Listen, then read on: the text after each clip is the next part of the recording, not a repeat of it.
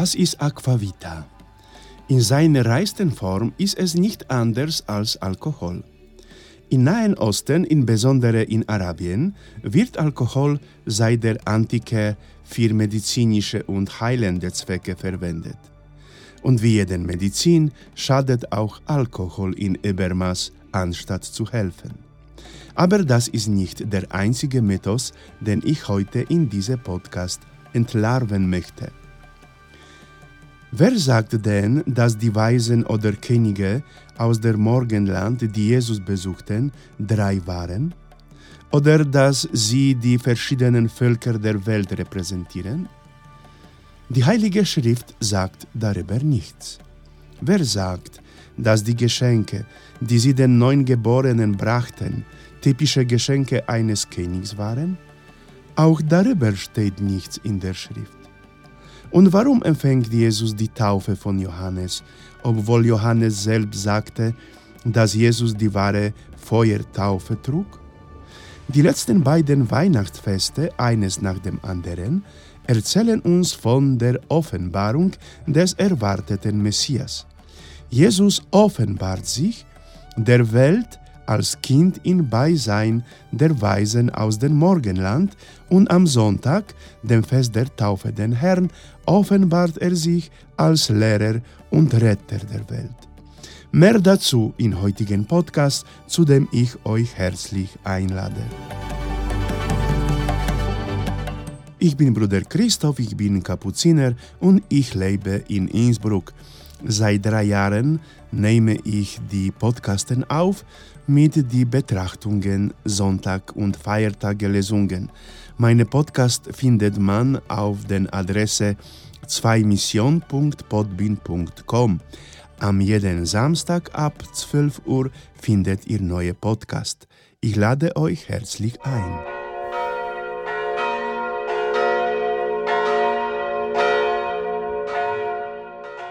Ich werde mich nicht auf der Zahl der drei Weisen und ihren Namen festlegen, denn das alles ist uns durch die heilige und fromme Tradition der Christen aus dem Osten schon im 3. Jahrhundert überliefert worden. In der westlichen Tradition erscheinen die Weisen, die sich vor Jesus als dem Retter der Welt verneigen, erst ein Jahrhundert später, im vierten Jahrhundert. Die Feier der Besuch der Weisen aus dem Morgenland geht also dem Weihnachtsfest voraus, das für uns im Westen ein besonderes familiäres Fest ist. Wahrscheinlich gab es viel mehr als drei weise Männer und es ist sehr wahrscheinlich, dass sie aus Persien, dem heutigen Iran, kamen. Sie gehören der persischen Religion der Zarathustra an, die aus dem Mazdaimus bekannt ist. Im Griechischen wurde der Name Magos für persische Priester, Schriftgelernte und Propheten verwendet. Und zu dieser Gruppe gehörten auch unsere Magier oder Weisen. Mit Magie hatten sie nicht zu tun. Warum erwähne ich das? Weil der Zoroastrismus eine Religion war, die ein tief verwurzeltes Konzept des Kampfes zwischen Gut und Böse hatte.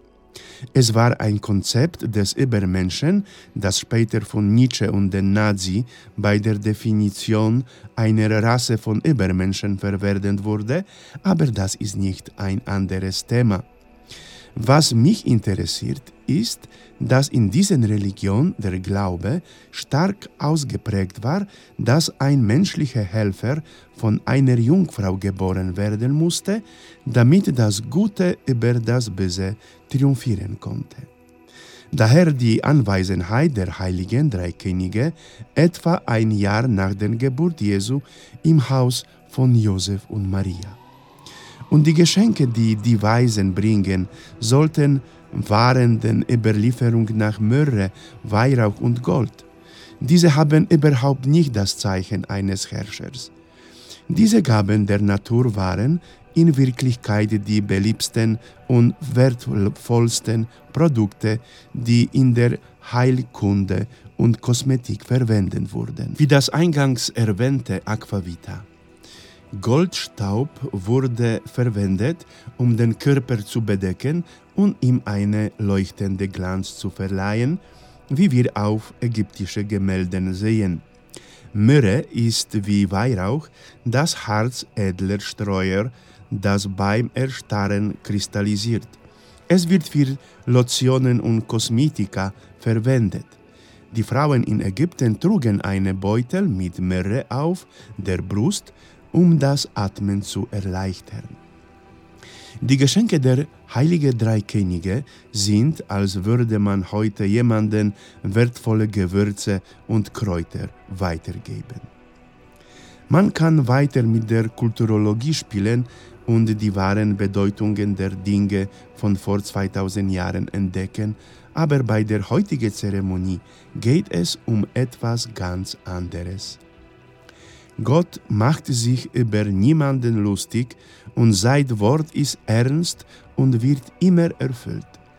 Gott verspricht damals in Eden, gleich nach der Sünde von Adam und Eva, dass er trotz des Zweifels der ersten Menschen an Gottes Liebe die gesamte Menschheit retten und ihnen das verlorene Geschenk des ewigen Lebens in der Vereinigung mit Gott zurückgeben würde.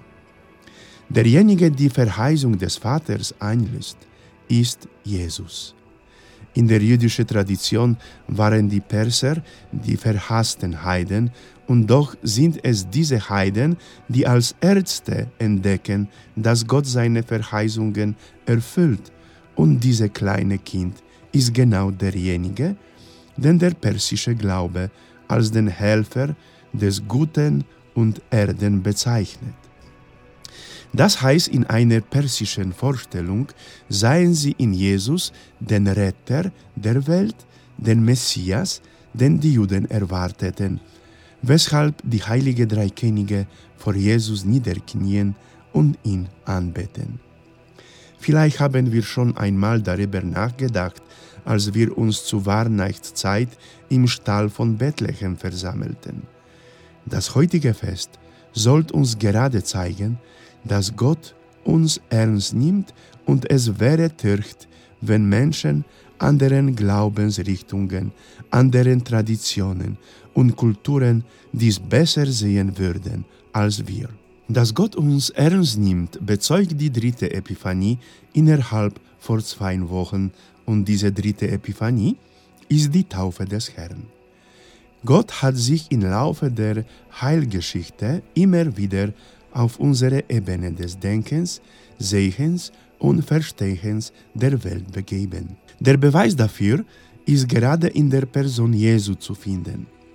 Der vollkommene Gott wird Mensch um zu uns in einer Sprache zu sprechen, die wir verstehen können und um uns der Wahrheit über Gott und das Himmelreich nach menschlichen Ermessen zu erzählen.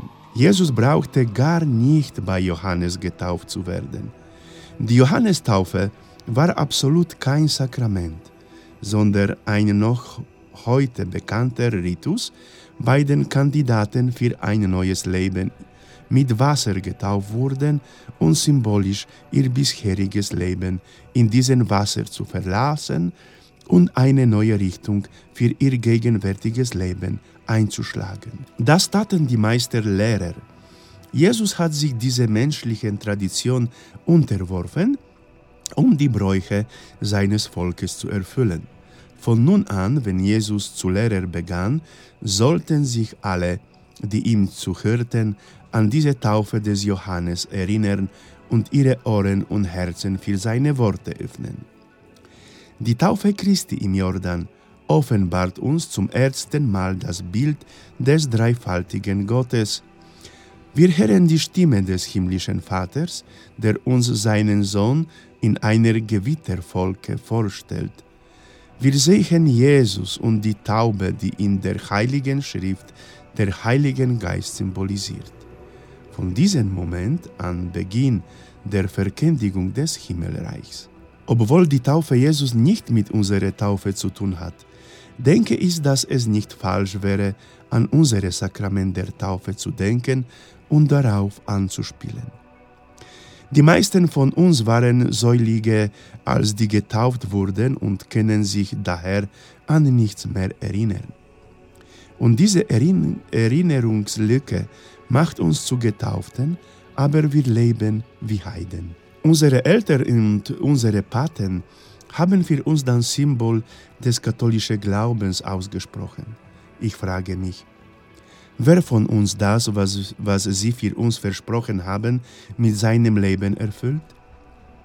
Die meisten Katholiken haben nie begonnen, so zu leben, wie sie es in der Taufe versprochen haben.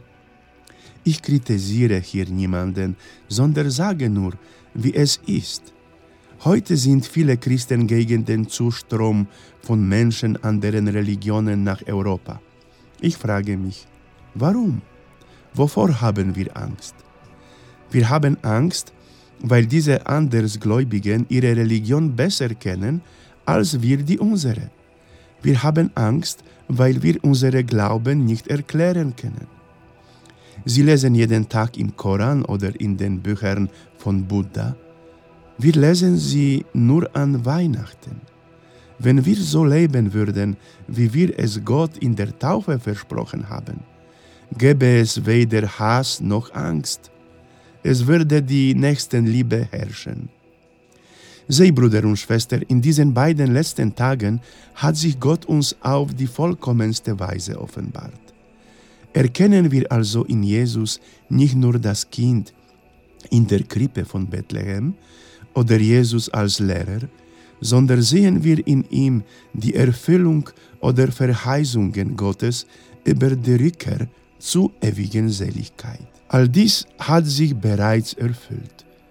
Gott hat seine Verheißungen erfüllt, wie der alte Simeon sagte, als er Jesus in seine Armen hielt. Und nun, Herr, lass deinen Knecht in Frieden gehen, denn meine Augen haben das Heil gesehen.